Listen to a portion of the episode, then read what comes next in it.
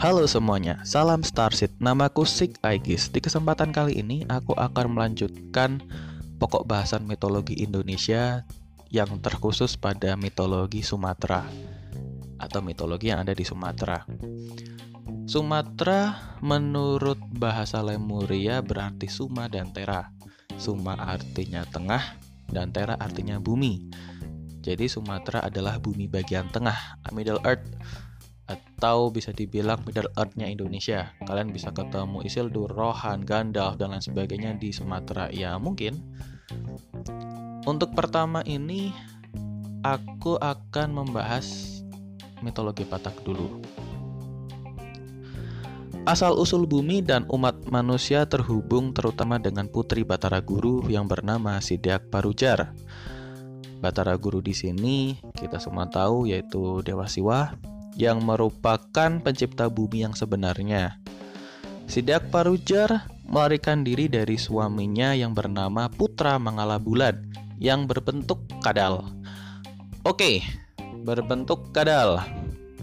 Dan membiarkannya turun di atas benang pital dari langit ke dunia tengah. Dunia tengah ini mungkin Sumatera ya. Yang pada waktu itu merupakan limbah berair Sidiak Parujar menolak untuk kembali, tetapi merasa sangat tidak bahagia. Karena belas kasihan mula jadi, ya bisa dibilang mula jadi ini seperti Odinnya lah ya, mengirimkan segenggam tanah kepada cucunya sehingga ia dapat menemukan tempat tinggal. Sidiak Parujar diperintahkan untuk menyebarkan bumi, dan karenanya bumi menjadi luas dan panjang, seperti Pulau Sumatera. Tetapi sang dewi tidak bisa menikmati istirahatnya. Bumi telah tersebar di kepala naga Padoha, yaitu seekor naga raksasa dari dunia bawah yang hidup di air. Naga Padoha ini mengerang di bawah beban dan berusaha menyingkirkannya dengan berguling-guling. Bumi dilunakan oleh air dan hampir hancur. Dengan bantuan mula jadi, dan dengan kelihayannya sendiri, Sidak Parujar dapat mengatasi naga itu. Dia menusukkan pedang ke tubuh naga Padoha, ke ganggangnya, dan membaringkannya di balok besi. Kapan pun naga Padoha mempelintir belenggu, sebuah gempa bumi terjadi. Nah, di sini kita bisa lihat bahwa relevansi dari mitologi itu sendiri berimbas pada kondisi alam. Di mana kita semua tahu bahwa Sumatera dilalui oleh lempeng tektonik di mana setiap saat bisa terjadi gempa. Berarti mitologi ini punya benang merah dengan kondisi alam yang ada di Sumatera. Dan ini bisa memberikan bukti bahwa mitologi memiliki atau memberikan sumbangsih pada sejarah tentang penciptaan sebuah daerah atau mitologi itu sendiri atau dunia itu sendiri.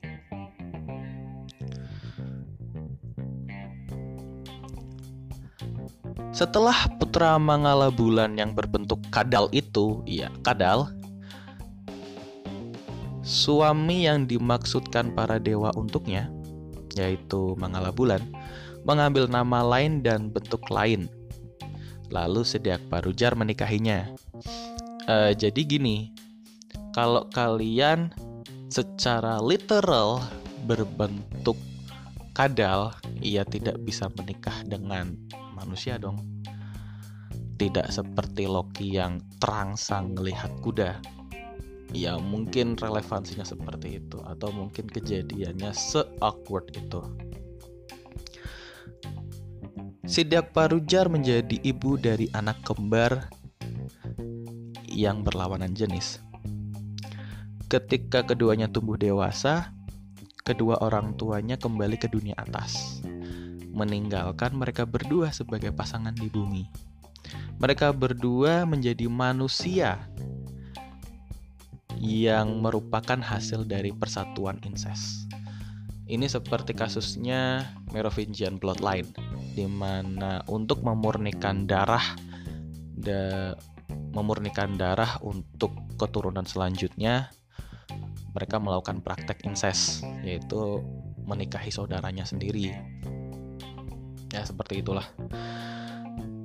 Lalu pasangan itu menetap di Pusuk Buhit, sebuah gunung berapi di pantai barat Danau Toba, dan menemukan desa Cianjur Mula-Mula Nenek moyang mitologi Batak yaitu si Raja Batak adalah salah satu dari cucu mereka.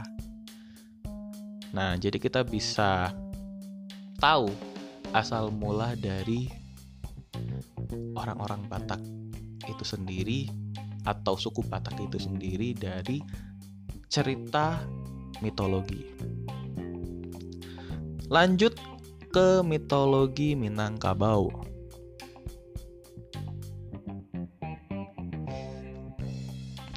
Budaya Minangkabau sangat dipengaruhi oleh agama Islam. Akibatnya mitologi Islam ya mungkin sebenarnya bukan mitologi Islam tapi mitologi Arab lah ya dapat ditemukan dalam budaya Minangkabau. Namun orang Minangkabau sendiri memiliki legenda tentang asal usul dari nama suku mereka. Nama Minangkabau berasal dari kata Minang yang berarti menang dan Kabau berarti kerbau. Berarti kita bisa lihat di sini bahwa Minangkabau berarti the glory of the bull. Yaitu bahasa Inggrisnya. Sebuah legenda menyatakan bahwa nama itu berasal dari sengketa wilayah antara orang bernama Minangkabau dan seorang pangeran tetangga yang secara tradisional dikaitkan dengan Jawa. Untuk menghindari pertempuran, penduduk desa setempat mengusulkan pertarungan sampai mati antara dua kerbau. Jadi, Pangeran Minangkabau ini uh, punya kerbau dan pangeran yang berasal dari Jawa ini juga punya kerbau. Ya, secara harfiah mereka melakukan sabung kerbau.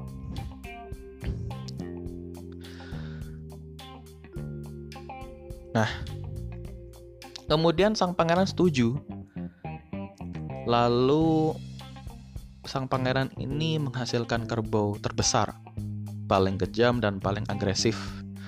Sementara Menangkabau menghasilkan bayi kerbau yang lapar dengan tanduk kecil yang dibuat setajam pisau.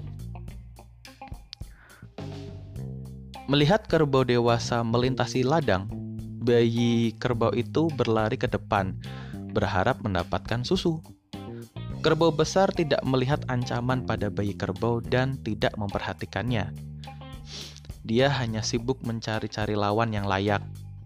Ketika bayi kerbau itu mendorong kepalanya di bawah perut banteng besar itu, lalu mencari ambing, tanduk yang tajam membunuh banteng dan Minangkabau memenangkan perselisihan. Royalti Minangkabau dapat ditelusuri ke Bundo Kanduang. Ya, seperti itu cerita dari mitologi Minangkabau. Di sini kita bisa yakin, maksudnya sebagai mythology geeks, aku bisa memberikan sebuah kesimpulan bahwa penciptaan sebuah dunia erat kaitannya dengan hewan, hewan-hewan raksasa atau hewan-hewan berukuran normal pada umumnya. Seperti di mitologi Jawa kemarin yang erat kaitannya dengan kura-kura raksasa, kemudian ada babi hutan raksasa, kemudian ada naga raksasa, kemudian kali ini kita membahas kerbau dan kadal. Berarti kita bisa lihat bahwa hewan-hewan ini memiliki peran penting dalam penciptaan sebuah dunia. Dan hewan-hewan ini juga erat kaitannya dengan sejarah bumi itu sendiri di mana sebelum adanya manusia, bumi dikuasai oleh makhluk-makhluk raksasa seperti dinosaurus. Berarti memang ada relevansi antara mitologi dengan situasi bumi yang sebenarnya gitu.